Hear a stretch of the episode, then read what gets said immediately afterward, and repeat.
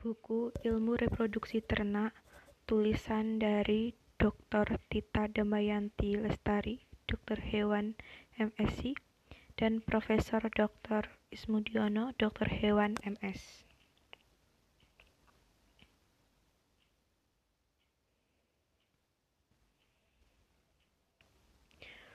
Untuk yang pertama, pendahuluan. Dahulu kala, manusia selalu bertanya-tanya tentang asal mula terbentuknya suatu individu baru. Tetapi karena keterbatasan peralatan, maka perkembangan pengetahuan mengenai reproduksi sangat lambat. Sebuah dokumen tua di Yunani mencatat kejadian-kejadian pengamatan reproduksi oleh Aristoteles yang hidup pada tahun 364 sampai 322 sebelum Masehi pada bukunya yang berjudul The Generation Animalium. Di dalam buku tersebut dituliskan suatu teori bahwa seorang anak itu berasal dari kumpulan darah menstruasi karena sekian lama seorang ibu tidak menstruasi, maka darah mengumpul dan menjadi seorang anak.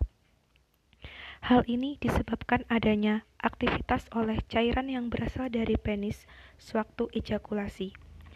Aristoteles juga mencatat pengamatannya pada sapi yang baru dikastrasi yang ternyata masih bisa membuahi. Sehingga ia berkesimpulan bahwa tes-tes dari pejantan tidak mempunyai pengaruh langsung terhadap kesuburan pejantan.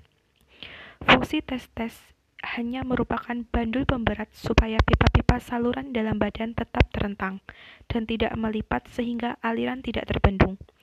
Pada waktu itu juga berkembang aliran pangenesis yang menyatakan bahwa semen adalah cairan yang berasal dari seluruh bagian tubuh yang disalurkan ke penis melalui pipa-pipa reproduksi. Pada tahun 1573, Koiter melakukan pengamatan terhadap korpus luteum.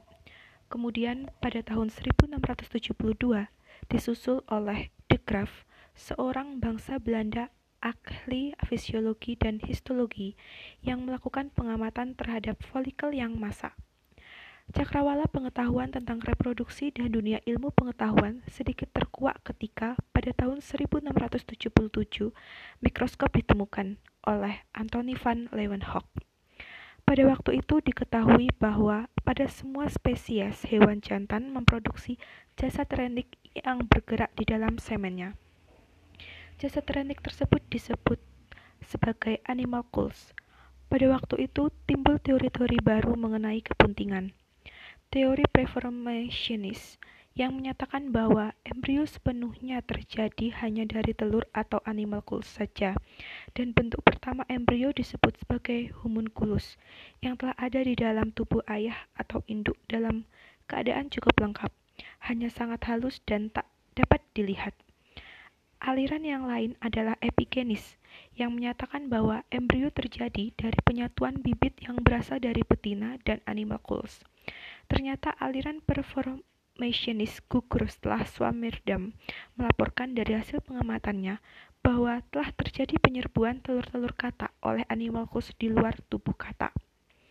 Pada tahun 1780, seorang bangsa Italia yaitu Spallanzani melakukan percobaan dengan mencoba menyaring semen katak dengan kertas saring ke dalam bejana yang berisi air dan telur katak. Ternyata setelah dilakukan pengamatan, masih ada beberapa kecebong yang merupakan hasil pembuahan. Hal ini membuat semakin bingung, walaupun tanpa disadari telah terjadi kesalahan pada waktu penyaringan semen, sehingga ada beberapa spermatozoa yang lolos. Walaupun demikian, ternyata bahwa percobaannya membawa hikmah yang sangat besar, yaitu telah terjadi pengenceran semen. Dari setetes semen, masih dapat membuahi telur dalam 12 liter air. Hal ini merupakan dasar pengenceran semen untuk inseminasi buatan di kemudian hari. Dengan berjalannya waktu dan diketemukan peralatan-peralatan yang lebih modern, maka semakin berkembang pengetahuan tentang reproduksi.